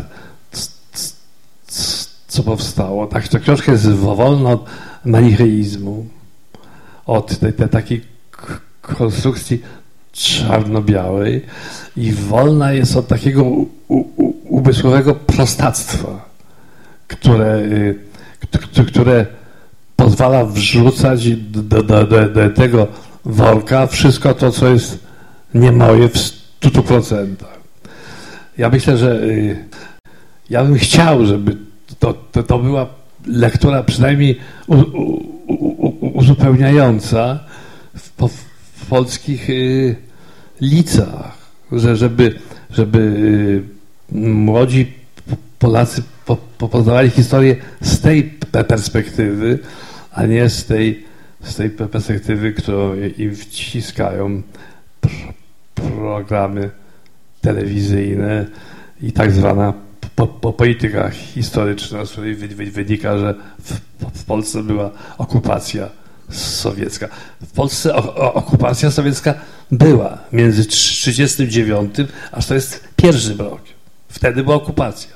Później to, to, to, nie była okupacja, to było państwo, jak mówi Karol, wasalne, satelickie, to była dyktatura, ale to, to, to nie, nie była okupacja mimo że to była państwowość bez suwerenności i że obywatele tego państwa nie mieli praw, że na przykład mieli pod zaborami. Znaczy, że obywatel był własnością państwa. Niemniej jednak, no i jeżeli to okupacja była, to co na Litwie było? To co było w, w u, u, u, Ukrainie? Dla mnie w tamtych latach zróżnicowanie między statusem Polski i statusem Ukrainy czy Litwy było zasadnicze. Bo I, i, i, by, by, i by była taka te, te, te, teoria, że w wyniku sowieckiej interwencji przy złej koniunkturze międzynarodowej Polska może zostać zredukowana do statusu Litwy. Myśmy tego bardzo nie, nie chcieli. W, w Litwie był problem rusyfikacji. W Polsce tego problemu nie, nie, nie było. Pamiętam pa, pa, pa, Paweł Herz, który był konsekwentnym konserwatywnym antykomunistą, jakby był list Karola i, i, i, i Jacka mi mówi tak, ja nie rozumiem, o co temu Kuraniowi i Mozaleckiemu chodzi? Przecież to jest najłagodniejszy zabór w historii Polski. G gazety są polsku, w sklepach się mówi po polsku, na, na, na poczcie po polsku i w, i w szkole po polsku. Czego oni jeszcze chcą? Bardzo dziękujemy, Adamie. Oklaski dla naczelnego.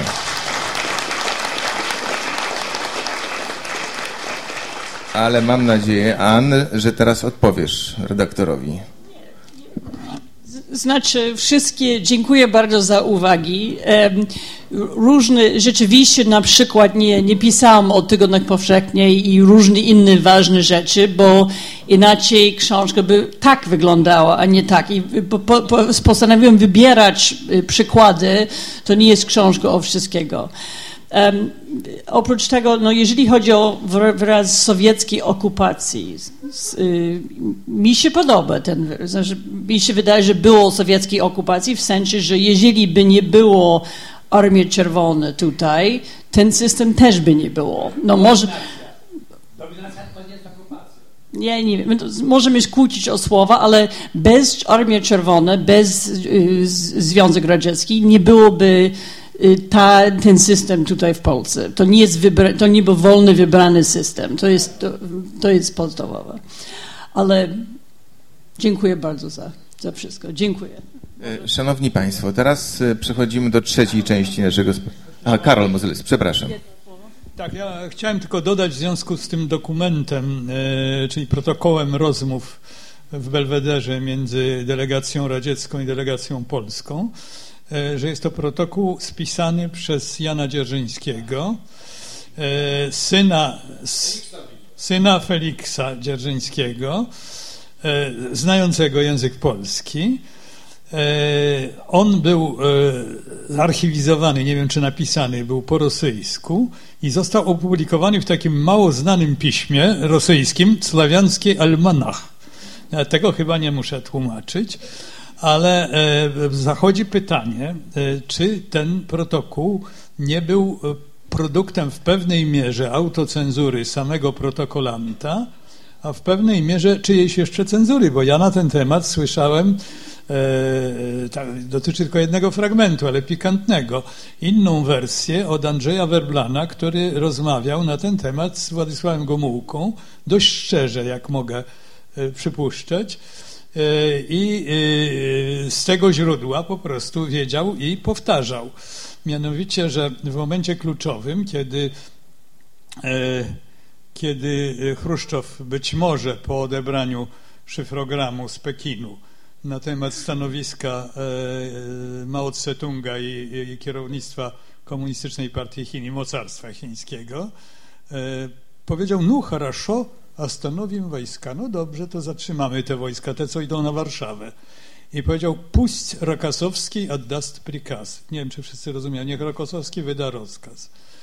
E, na co Gomułka powiedział, ale towarzyszu Chruszczow, marszałek Rokosowski jest na razie przynajmniej polskim ministrem obrony narodowej, a rzecz polega na tym, że na Warszawę maszerują dwie dywizje pancerne Armii Radzieckiej. Na to Chruszczow machnąć miał ręką i powiedzieć, какой вы педант.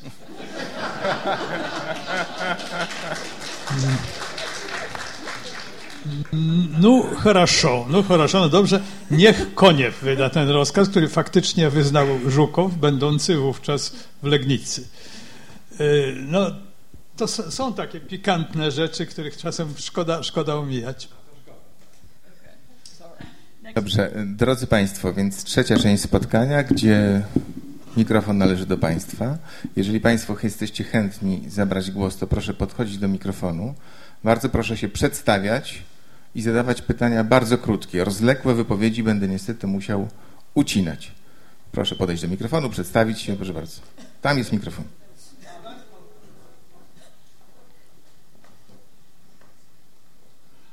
Dobry wieczór, nazywam się Andrzej Nobrowski. W pierwszym rzędzie chciałbym prosić, żeby ktoś nalał wody pani Ani, bo chce się pić. Ja widzę, że sięga po szklankę i nie po wody. ma, ma wodę, wszystko jest zapewnione. E, że ktoś, żeby pani nalał wody, bo widziałem, No że pani dobrze, się chce pić. a merytorycznie? No, dobra, merytorycznie jest tak, że po pierwsze to chciałbym, e, chciałbym wyrazić satysfakcję i powiedzieć, że na pewno wielu Polaków jest dumnych, że mamy taką wspaniałą nową obywatelkę w Polsce. I chciałbym też a, pogratulować pani języka polskiego, który dla Amerykanów jest Mission Impossible. Ambasador Wiktor Asze przez wiele lat starał się uczyć, wreszcie z reguły powiedziała niemożliwe. Także gra- gratulacje za wspaniałą znajomość języka polskiego. No i trzecią rzecz to też e, jestem zachwycony pani pisarstwem. Jeszcze czytałem panią kilka lat temu w e, New York e, Book Review, New York Times Book Review o Polakach, o Armii Czerwonej. Tak pięknie, wzruszająco pani pisała. Nie wiem, czy Polacy to mi okazję czytać. Także to. Proszę o konkretne Tak, a pytanie. jeśli chodzi o jeszcze no, no, e, dwa zjawiska, to pierwsze, jeśli ktoś się Pani pyta, dlaczego Pani się tym zainteresowała, to można powiedzieć, że jest po prostu fascynujący temat. Także, no. A druga rzecz to, jeśli chodzi o to, co Pan Karol Modzelewski e, poruszył, dla którego mam mnóstwo podziwu, to, to właśnie rozgraniczanie przemocy i kon, i konformizmu. e, tak. No. Otóż e, intelektualiści mają to do siebie, że analizują, rozdzielają włos na czworo. Niemniej jednak a, konformizm wynika z przemocy. Także cała to zjawisko, pytanie dlaczego to się miało, dlaczego miało miejsce, przemoc, tyrania i koniec. I oczywiście Dobrze, bardzo już dziękujemy, bo No. pan wygłasza expose, a to jednak prosiłem o pytania. Czy Ann chcesz się odnieść, czy to... Dziękuję, Ann, dziękuję za komentarz. Bardzo proszę.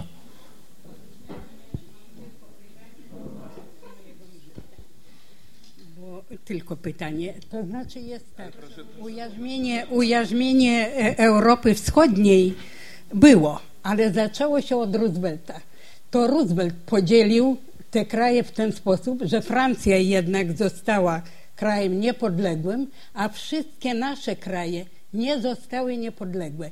Rooseveltowi tak zależało na Rosji i na tym, żeby dostać kawałek, że tak powiem, czyli następny stan, który, y, bo Rosja była bardzo zadłużona w Ameryce, prawda, że szedł nie tylko z racji Japońców i sprawy japońskiej wspólnej na Dalekim Wschodzie, ale również ze względu na e, przyszły e, nowy, że tak powiem, stan e, Ameryki.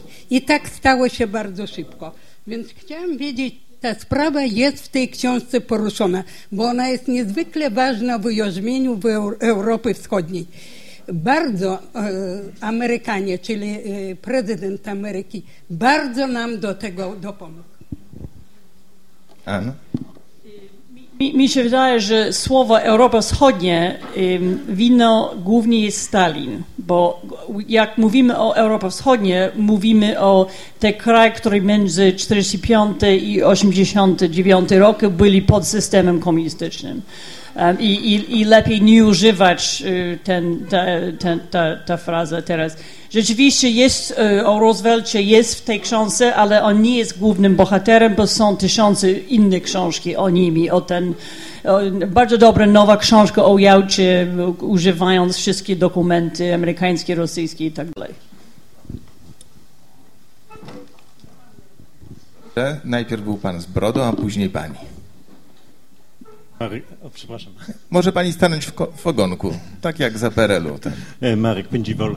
E, Ja e, ch- chciałem zapytać o kraj, o którym tutaj właściwie nie słyszałem, a który jest dosyć szczególnym przypadkiem, mianowicie o Czechosłowację, która przez trzy lata po wojnie była krajem demokratycznym, jakkolwiek była to e, specjalna bardzo e, demokracja i w tym demokratycznym kraju partia komunistyczna, przynajmniej w czeskich w czeskiej części tego kraju wygrała wybory i właściwie e, zdobyła legalnie władzę, którą potem zamieniła e, w czasie puczu lutowego w 1948 roku e, normalną dyktaturę. Dziękuję bardzo. To jest, nie pisałam z różnych powodów o Czechosłowacji. Jest o Czechosłowacji w książce dosyć dużo i troszeczkę o tych wyborach też. Były, były wolne wybory w, w, bardzo, y, w, różnych miejscach po wojnie, znaczy były Węgry, były w, w Niemczech, były w Czechosłowacji, myśleli o tym w Polsce i więc mieli ten referendum jako próba, a potem zrezygnowali kompletnie. Ale pomysł tej wybory y, Dlaczego komuniści prowadzili wolne wybory w, tych, w, w, tym w tak zwanym Europie Wschodnim?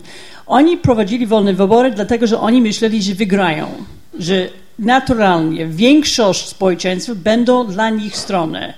I, to, jest, to jest bardzo ciekawe, jeżeli chodzi o mentalności sowieckiej i komunistycznej, że oni zrozumieli Marks nie jako teorię, tam filozofię, oni zrozumieli, że to jest nauka. I to, co tam jest napisane, będzie prędzej czy później. Musimy po prostu znaleźć najlepszą drogę do tego raju y, i tak dalej. I oni myśleli, że po wojnie musi być, że będą, y, że prędzej czy później będą ten większość prokomunistyczna i że oni będą zdobyć władzę przez wyborach. Więc plan wolne wybory nie było dlatego, że wierzyli w demokracji, że chcieli prowadzić system europejski, oni robili to dlatego, że myśleli, że wygrają. I jak zaczęli przegrać, już, już nie były wolne wybory. Znaczy przegrali w Budapeszcie, przegrali w Berlinie, przegrali ten referendum w Warszawie, mimo to tego nie powiedzieli. I w Pragie i oni nie, nie wygrali wybory w 1945 roku, oni, y, ale mieli y, duże poparcie, ale jak w 1948 oni już wiedzieli, że będą przegrać, że już koniec z tą demokracją, bo oni, nie będą, że oni będą gorszy, mieli gorszy wynik więc zdecydowali, że nie, będzie, nie będą dalej demokratyczni. I tak jak, jak patrzysz na wszystkie te instytucje, o którym piszę w swojej książce, o radio, o y, policję y, polityczne, o przemysł i tak wszystko byli w Czechosłowacji prowadzone to samo. Znaczy takiej wielkiej różnicy między system w Czechosłowacji i Polski nie były. No, były różnice kulturalne, polityczne i tak ale te podstawowe instytucje, które dla Sowieci byli ważne, więc policja, e, e, grupy młodzieżowe i społeczeństwo obywatelskie, Um, wszystkie te, te, instytucje i radio, wszystkie te instytucje w Czechosłowacji też byli pod, pod kontrolą komunistyczną, no, więc różnice nie były aż tak wielkie, jak się Teraz pani, później, później... Dobrze. Ja, ja, ja, ja chciał tutaj, tutaj dorzucić do tego, co, co Ania powiedziała, taką uwagę polemiczną. W Polsce komuniści ani przez 5 sekund nie mieli nadziei, że wygrają wybory demokratyczne i dlatego nie, nie, nie poszli na. Dlatego w Polsce od początku wszystko było fałszerstwem, począwszy od referendum i od, od, pytań tak sformułowanych, jak były sformułowane. I wygrali. Oczywiście. I, i, i, I tak nie wygrali. I, I tak nie wygrali. Przy czym, czego nie napisałaś, co jest bardzo ciekawe, że Mikołajczyk z, y, przymknął oko na, na fałszerstwa. Dlaczego? Dlatego, że ogromna większość głosowała nie w tym punkcie, w tym, w tym pytaniu o ziemię z, z zachodnią, dlatego że ogromna większość głosowała po prostu nie przeciwko komunistom. No, Mikołajczyk rozmawiał w kategoriach po, po polskiej racji stanu i on wiedział, że jeżeli się ujawni, że większość głosujących Polaków nie chce ziem zachodnich, to w, w, w Poczdamie Reformy rolnej, to reforma rolna z punktu widzenia międzynarodowego nie miała takiego znaczenia. A w ogóle o, o, o, o reformie rolnej to, to, to, inna rozmowa jest. To jest w ogóle ta reforma była tak skonstruowana, że można było być, by, być przeciw. Natomiast ziemie zachodnie, ziemie zachodnie, to pół, pół, pół Polski był. Bardzo proszę. Ja mam krótkie pytanie a propos wspomnianej Wandy Telakowskiej, bo ja w przeciwieństwie do, do Adama znam ją jako dziecko e, z powodów rodzinnych, zawodowych, bo moja rodzina w Ładzie i w Upie i tak dalej miała dużo do czynienia. Jak pani do niej dotarła? Bo te sprawy na ogół w ogóle są nieznane i nieporuszane. E, Wanda nie żyje już od bardzo dawna, więc e, interesuje mnie, skąd pani ta osoba przyszła. Ja znam tylko z wywiadu e, niedzielnego, bo książki jeszcze nie czytałam. Akurat tak naprawdę przez mój przyjaciel Piotr Peszkowski, który mi przedstawił jego przyjaciół, który jest historykiem sztukiem, który potem dalej mi wysłał do Muzeum Narodowe, gdzie jest pani, która właśnie zajmowało y, historię Wandy Terakowskiej i, i tak znalazłam tę historię, przez, bo szukałam właśnie nie chciałam pisać ogólne o sztuce, bo to jest, y, szczeg- szczególnie jak masz trzy kraje, to będzie się powtórzyć i szukałam właśnie ciekawych osoby i, i przez jak, rekomendacje ludzi mi kierowali wobec. To jest może ta praca dziennikarska w tej książce, że szukałam ludzi i w końcu znalazłam o niej y, archiwy i informacje i wywiady i wspomnienie, bo jest, y, są ludzie, którzy zbierały tego, ale to było przez znajomości. Bardzo dziękuję. Proszę kolejne osoby, żeby ustawiały się w ogonku za redaktorem Stasińskim. W ten sposób łatwiej mi będzie kierować ruchem i sprawiedliwie oddawać Państwu głos. Proszę bardzo. Maciej Stasiński. Proszę pani, e, pani dołączyła do takiego chyba wąskiego grona historyków zachodnich, którzy w ostatnich dziesięcioleciach przełamali taką barierę niewiedzy e, w stosunku do krajów e, Europy Wschodniej czy też postkomunistycznych. Mianowicie zaczęli się uczyć tych języków i studiować źródła bezpośrednio. Kiedyś mm, raczej był tego bardzo silny deficyt. Myślę, że wchodzi Pani do tego klubu, który y, składa się z takich osób jak Norman Davis, Timothy y, Ash, czy, czy Tony Judd, czy właśnie wspomniany tutaj Snyder, prawda? E, Za to się Pani e, Panie redaktorze, proszę pytanie, pytanie. Należą e, podziękowania, a pytanie jest takie, jak dalece Pani czuła deficyt tego zainteresowania, to znaczy tej zdolności zachodnich historyków do e, e, studiowania tego z pierwszej ręki, u źródeł. I czy dalej ten deficyt nie jest odczuwalny, choćby z powodu tego, że w ostatnich dziesięcioleciach po otwarciu archiwów sowieckich w 1991 roku, a czy rosyjskich teraz, e, gro zainteresowania bardzo wybitnych e, angielskich, anglosaskich historyków to była wojna i jednak stalinizm, stalinowski Związek Radziecki, a nie Europa Wschodnia. Czyli y, jest Pani optymistycznie nastawiona do tego, że y, ten deficyt zostanie przez takich ludzi jak Pani to, to, wypełniony? to będzie dla dużo Polaków rozczarowanie, ale niestety już nie jesteście kraj ignorowany, nielubiany i niestudiowany na Zachodzie.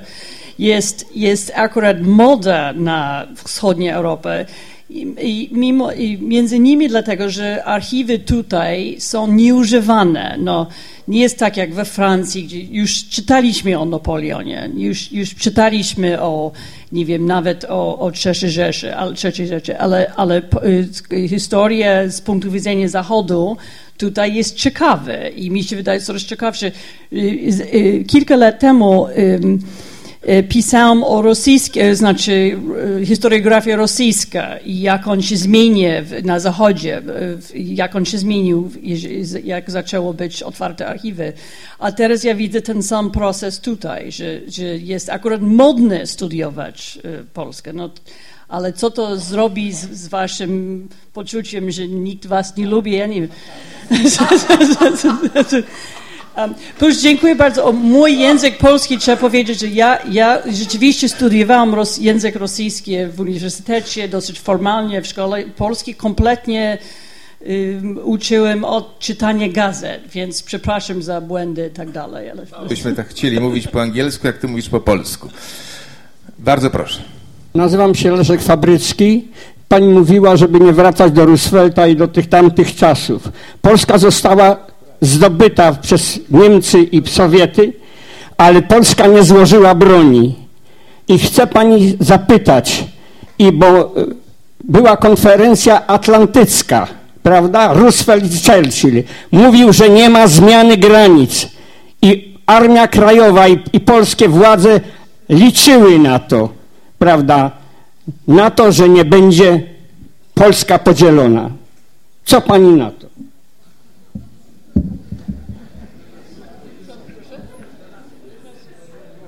Proszę? Nie, nie, no, rzeczywiście może w Polsce tego nie spodziewała, spodziewała, ale niestety to nie było, jak mówiłem, to nie było najważniejszy temat w Jałcie. Niestety, to jest smutne, ale tak jest. Proszę uprzejmie. Przemysław Pleciński. W swojej książce, jeśli dobrze zrozumiałem, i z wywiadu i dzisiaj, Pragnie Pani znaleźć wspólny mianownik, zwłaszcza dla trzech opisywanych krajów i porównywanych. Natomiast moje pytanie jest takie, czy y, y, widziałaby Pani jakąś szczególną cechę Polski i Polaków na tle tych y, ujarzmionych krajów Europy Wschodniej? Przy czym podpowiem tutaj na zasadzie oczywiście hipotetycznej, że znane jest powiedzenie, że byliśmy uważani za najweselszy barak obozu socjalistycznego. Węgrzy też uważali za najweselsze. Kto? Węgier. Węgier. A Węgrzy. Ale zrobię przeskok i tu, tym już kończę wypowiedź. Zrobię przeskok do czasów współczesnych. Otóż 8 lat temu, y, podczas y, podwójnych wyborów w 2005 roku, parlamentarnych i prezydenckich, Polacy w wolnych, niesfałszowanych wyborach wybrali sobie demokratycznie braci bliźniaków na dwa najważniejsze stanowiska w państwie. Uważam, to że to jest duże poczucie humoru. I świat się dziwi. I księga Guinnessa. Dziękuję bardzo. Adam, Zawsze jesteś oryginalny. Ja jedno zdanie, tylko tutaj zapomniałem to, to powiedzieć, bo tutaj mówimy, czy, czy Ania jest dziennikarzem, czy, czy historykiem. Ja powiedziałbym, że to jest y, taki gatunek, który w Polsce ja bym identyfikował z trzema nazwiskami, które przychodzą mi, mi, do głowy teraz. To jest y, Paweł Jasienica, Marian Brandys i Bogdan Cywiński. To jest taki ro, rodzaj pisarstwa o historii. No. Panie ambasadorze, proszę bardzo. Nazywam się Jerzy Nowak. E, trochę osobiste mam pytanie, związane więcej z tym, co powiedział mm, e, co powiedział tutaj pan profesor Modzelewski, ale też pytanie będzie do pani. E, bo niestety należę do tych, którzy nie zdążyli jeszcze przeczytać książki. Ale ja słuchałem e, e, tej wypowiedzi, jeżeli ją dobrze zrozumiałem u pana Modzelewskiego, była teza, że nie tyle przemoc, co raczej konformizm decydowały o tej satelickiej, satelickiej ja bym powiedział, rzeczywistości Polski E, Polski Ludowej. E, otóż, e, jeżeli bym się spojrzał z punktu, i tu jest, będzie moje pytanie, bo jeżeli bym się spojrzał z punktu widzenia mojego własnego ojca, który wstąpił do partii, ale głównie dlatego, że on chciał, przynajmniej tak to mówił, ale też i tak robił, bo on uważał, że jego misją jest Y, żeby pozyskać ziemię odzyskane dla polskości, żeby te ziemię scalić, żeby zrobić coś dobrego. Wydawało mi się, że to robił rzeczywiście, że to było pozytywne działanie. On nie robił żadnych rzeczy, które by wzmacniały satelicką rzecz poza poza tym, że wstąpił do partii. Więc chodzi mi o to, że były różne oblicza konformizmu. Nie wiem, czy właśnie Państwo byście się z tym zgodzili. Jeszcze jedną rzecz do Adama e, Michnika. Mnie się zdaje, tak jak ja pamiętam nawet e, z okresu jeszcze trzy razy tak, chociaż jeszcze nie miałem 18 lat wtedy, ale to, to chodziło o trzecie pytanie o Senat, a nie o ziemię odzyskane. Pierwsze było Senat ale to właśnie chodziło o to, e, jak głosować, to właśnie mnie się zdawało, że to... E, nieporozumienie, Jurek, nie, nie, nie, nieporozumienie. Ja być może się wypowiedziałem mętnie, mianowicie e, ja nie mówiłem, jak wzywał Mikołajczyk do głosowania. On przy Senacie, masz rację, tylko kaczka, głupi ptak mówi ciągle tak, tak, tak. Mądry człowiek wie, co chce i na pierwsze powie nie. I to było, i, i to, to było o Senat. Natomiast dlaczego Mikołajczyk zmilczał sfałszowanie? Dla, dlatego, że prawdziwe wyniki przy pytaniu o, o, o, o ziemię zachodnie były nie.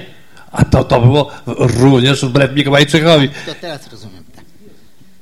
Dobrze, to teraz odpowiadając na pytanie o konformizm, charakter konformizmu Ja, PRL-u. ja mam, krótko bym powiedziała, że bez przemocy też by nie było Polskiej Ludowej, to, więc on też był absolutnie potrzebny. To, że wszystko, co było potem, y, nie, nie byłoby możliwe bez przemocy. Panie profesorze, tak? No,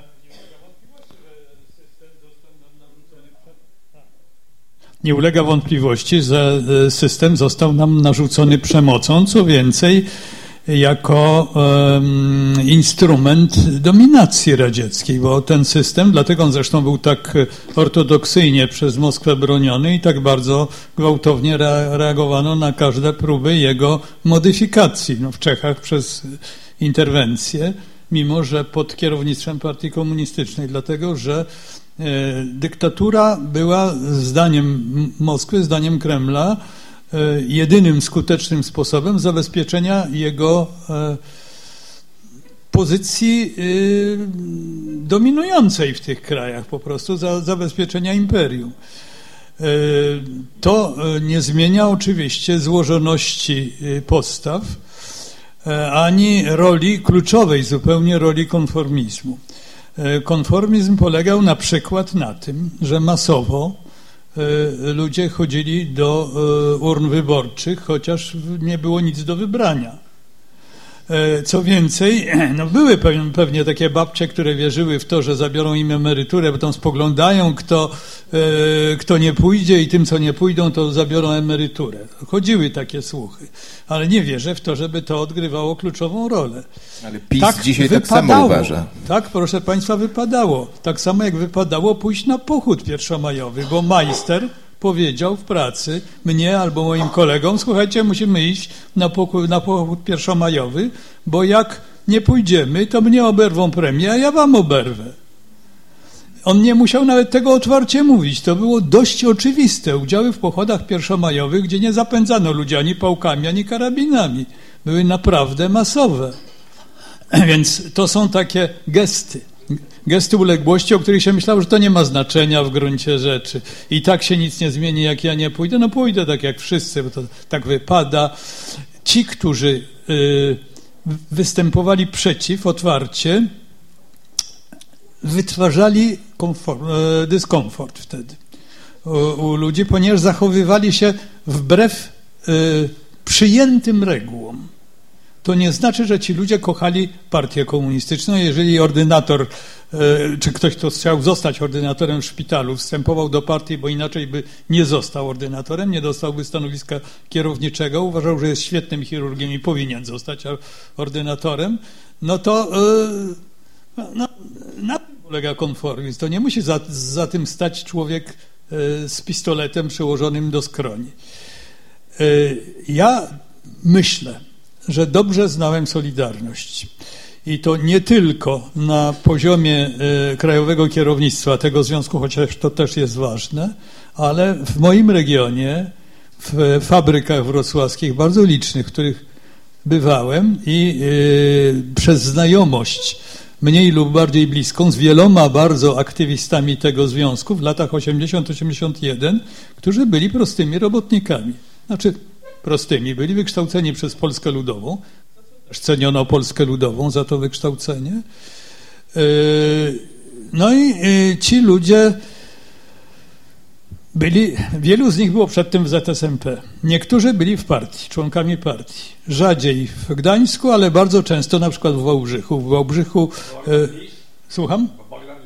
Bogdan Lis jest raczej wyjątkiem. Bogdan Lis rozumiał ambiwalencję tej sytuacji, ale to jest... e, Nie mamy może czasu na to, żeby tak bardzo Nie wchodźcie wchodzić. w detale Tak, Ja, ja, go dobrze znałem i Adam tak samo, więc y, możemy oczywiście, to bardzo, bardzo godny uwagi jest przypadek. Ja chciałem powiedzieć, że większość z tych, którzy pojawili się jak z podziemi w czasie strajków sierpniowych i y, po strajkach sierpniowych, kiedy przyszło do organizowania związku, także tam, gdzie strajków nie było, zachowywali się jak prawdziwe Joanny Dark i prowadzili za sobą lud e, jak wolność, która prowadzi lud na barykady. Ci ludzie byli do wczoraj konformistami, przeciętnymi PRL-owskimi konformistami. To, co naprawdę się zmieniło, to na czym polegała solidarnościowa rewolucja tych 16 miesięcy czy 17, to było to, że ci ludzie y, wyprostowali kark. I zagonić ich z powrotem do zgięcia karku było niesłychanie trudno. I to się właściwie udało się ich zastraszyć przez stan wojenny, większość z nich. Ale nie udało się zagonić ich z powrotem do uznania konformizmu za normalkę. To się nigdy nie udało. I to jest jeden z powodów, dla których generałowie słusznie mieli powody, żeby czuć, że ich grunt pod nogami jest bardzo niepewny. I jak się zmieniła sytuacja w Moskwie, a więc otworzyła się i, i zagrożenia były, wyglądały od tej pory inaczej, i możliwości wyglądały inaczej, zdecydowali się na to, żeby szukać kompromisu. E, Anna, chciałaś coś dodać? Nie. Ostatnie pytanie, pani Maria Wolińska, bardzo proszę i zamykamy w ten sposób listę uczestników. Chcę bardzo serdecznie podziękować pani, że pani podjęła trud tej przygotowania tej książki i przygotowania tej książki i napisania tego, bo to wcale nie jest łatwa sprawa, szczególnie na tak szerokim, szerokiej przestrzeni. Czy mimo to, że nie ma, jak pani mówi, już mody na ten region. Przeciwnie, jest właśnie. Ach, jest, bo to ja źle. każdym razie. Może nie mimo, ale mimo, że, że jest moda, to. czy, pani, czy pani jeszcze planuje właśnie skupienie się na różnych pominiętych w tej, w tej publikacji tematach? Bo ja y, y, wiem o publikacji no, z pani wywiadu, ale wielu nazwisk brakuje mi w indeksie, więc rozumiem, że no nie można było o wszystkim napisać, bo historia jest bardzo skomplikowana. I warto pamiętać, że sytuacja Polski Ludowej do, do śmierci Stalina była stokroć surowsza niż po śmierci Stalina. Ten okres powojenny, okres Polski Ludowej wcale nie był taki sam. I dzięki temu właśnie można było różne rzeczy zrobić. A tak jak Telakowska starała się zrobić coś pożytecznego dla kraju, mimo wszystko to były te różne instytucje, które też to robiły. I ja jestem w tej luksusowej sytuacji, że tym potwornym okresie ja pracowałam w Bibliotece Narodowej, gdzie się właśnie tę, tę kulturę polską i historię polską ceniło, szanowało i starało się jednak zachować to, co, co dało się zachować, co jeszcze nie zostało zniszczone z najrozmaitszych niewygodnych dokumentów. Bardzo serdecznie dziękuję. Bardzo dziękujemy. Anna? Dziękuję bardzo. No, trzeba powiedzieć, że są książki różnych historii ludzi, które właśnie takim sposobem szukało miejsców wtedy, że to albo po, y, na wsi, albo w różnych instytucjach kultury, albo różnych w różnych miejscach, że rzeczywiście szukali miejsc i, i zgadzam się absolutnie z Panią, że nie można porównywać tych stalinowskich lat z, z tym, co, co, co było później. I oczywiście jest błąd mówić, że to, co było możliwe w latach 80., też było możliwe wtedy. No, dziękuję bardzo wszyscy za, za uwagi. Ja w szczególności dziękuję Anna Applebaum, dziękuję profesorowi Karolowi Motylewskiego, Adamowi Michnikowi.